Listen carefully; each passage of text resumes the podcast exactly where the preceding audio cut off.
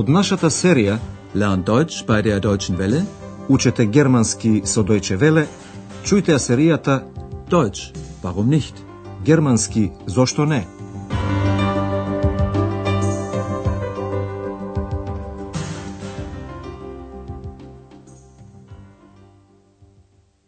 Liebe Hörerinnen und Hörer. Добар ден, почитувани слушателки и слушатели нарете петата лекција со наслов. Па еден автобус не може да биде шармантен. Ein Bus kann doch nicht charmant sein.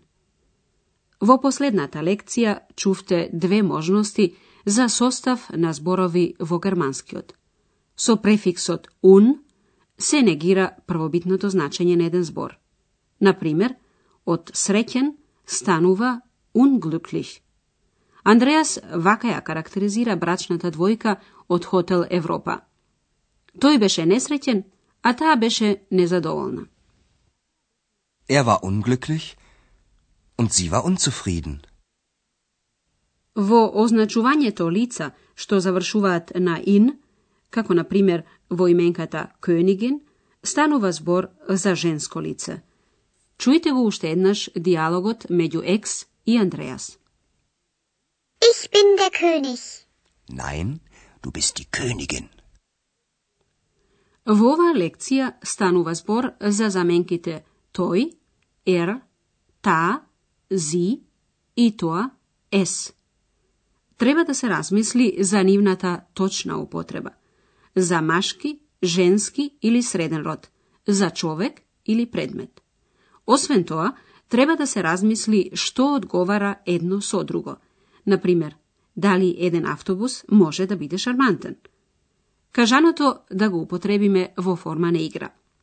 Ке слушнете одделни диалози, а ваше останува да внимавате на образложенијата. Екс се наоѓа кај Андреас дома. Екс го наговара изморениот Андреас да почнат игра, шпил, која е сосема едноставна, ајнфах. А сега чујте го првиот диалог.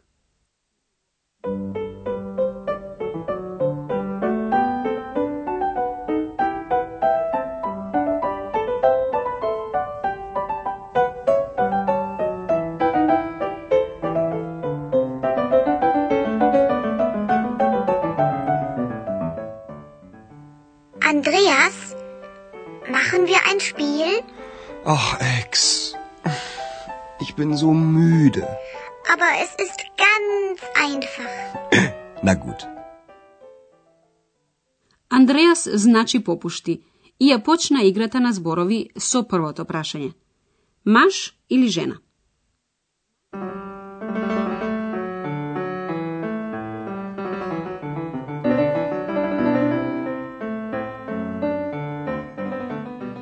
Also, rate. Er ist Arzt. Wer? Er. Hm, ein Mann. Richtig.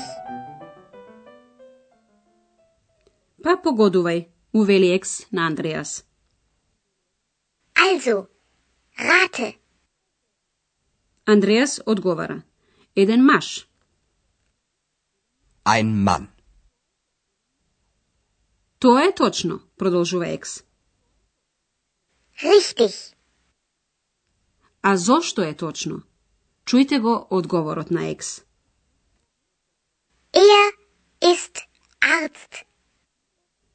Заменката er се употребува за машки род или за некое лице или предмет.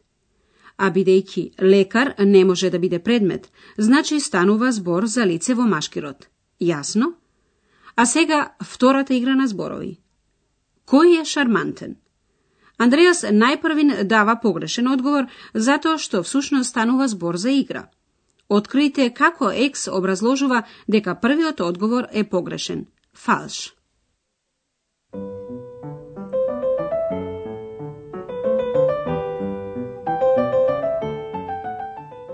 Also, rate. Er ist charmant. Ein Bus. Falsch. Ein Bus kann doch nicht charmant sein. Okay, okay. Ein Mann. Richtig.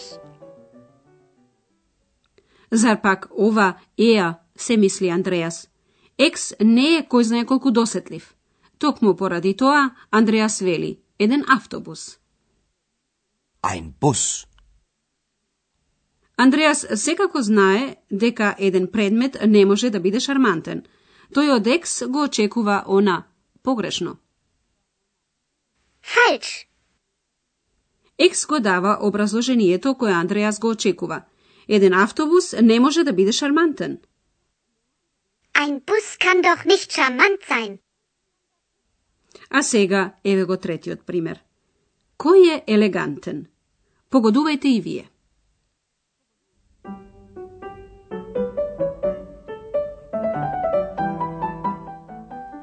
Also, rate. Sie ist schick. Eine Frau. Falsch. Wieso? Eine Frau kann doch schick sein. Ja, aber rate weiter. Eine Flasche. Also wirklich nicht. Vielleicht. Hm, eine Französin? Richtig. Забележавте? Или? Екс не го прифаќа зборот жена, иако зи и шик одговараат на лице од женски род. Екс му вели на Андреас. Да, меѓутоа, продолжи да погодуваш.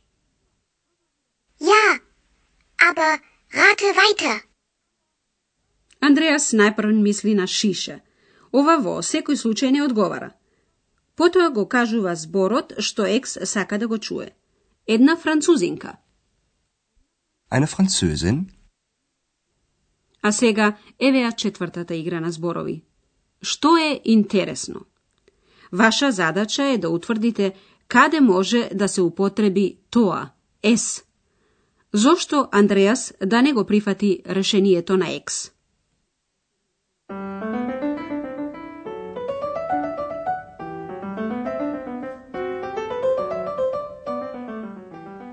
Also, rate. Es ist interessant. Ein Spiel. Falsch. Ein Buch. Falsch. Warum? Ein Buch kann doch interessant sein. Ja, aber ich meine etwas anderes. Ein Ehepaar. Falsch. Dann weiß ich es nicht. Ein Hotel. Nein. Ein Hotel kann nicht interessant sein. Doch. Menschen im Hotel können interessant sein. Ein Hotel auch. Nein. Jetzt bin ich dran. Андреас треба да погоди дали еден хотел е интересен. Меѓутоа, тој сака да биде прецизен, бидејќи наскоро ќе стане новинар. Зборот хотел не го прифаќа. Секако дека може да се дискутира дали еден хотел е интересен или не е. Андреас се држи на своето мислење и тоа го образложува вака. Луѓето во хотелот може да бидат интересни. Menschen im Hotel können interessant sein. Да го чуеме тоа уште еднаш. Задачата на Екс гласи Тоа е интересно. Es ist interessant. Андреас најпрвин спомнува игра, а потоа една книга. Меѓутоа, тој има нешто друго во главата. Да, но јас мислам на нешто друго. Ja, aber ich meine etwas anderes. Андреас уште мисли на една брачна двојка и потоа ги крева рацете. Но решението на екс, имено хотел, не го прифаќа за точно. Nein. Ein Hotel kann nicht interessant sein. Тој ја коригира екс. Луѓето во хотел може да бидат интересни. Menschen im Hotel können interessant sein. Андреас сака да ја заврши играта и вели, а сега јас сум наред. Und jetzt bin ich dran. Чујте ја сега последната игра на погодување. Кој е тоа?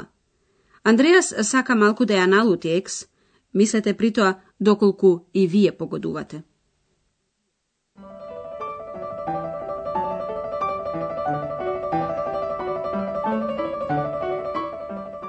Also, rate. Er ist unhöflich. Ich nicht. Er ist neugierig. Kenn ich nicht. Er ist unsichtbar. Kenn ich nicht.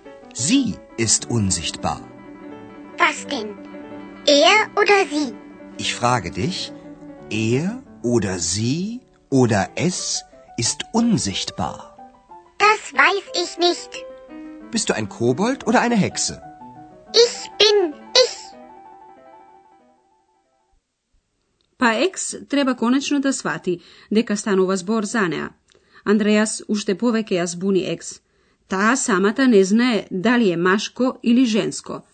Да го чуеме ова место во диалогот уште еднаш. Андреас ја почнува играта употребувајќи машки род, односно заменката еа. Тој е нелюбезен. Er ist unhöflich. Екс се прави како ништо да не разбира. Повторува дека бараната личност не ја познава. Не ми е познато. Kenn ich nicht.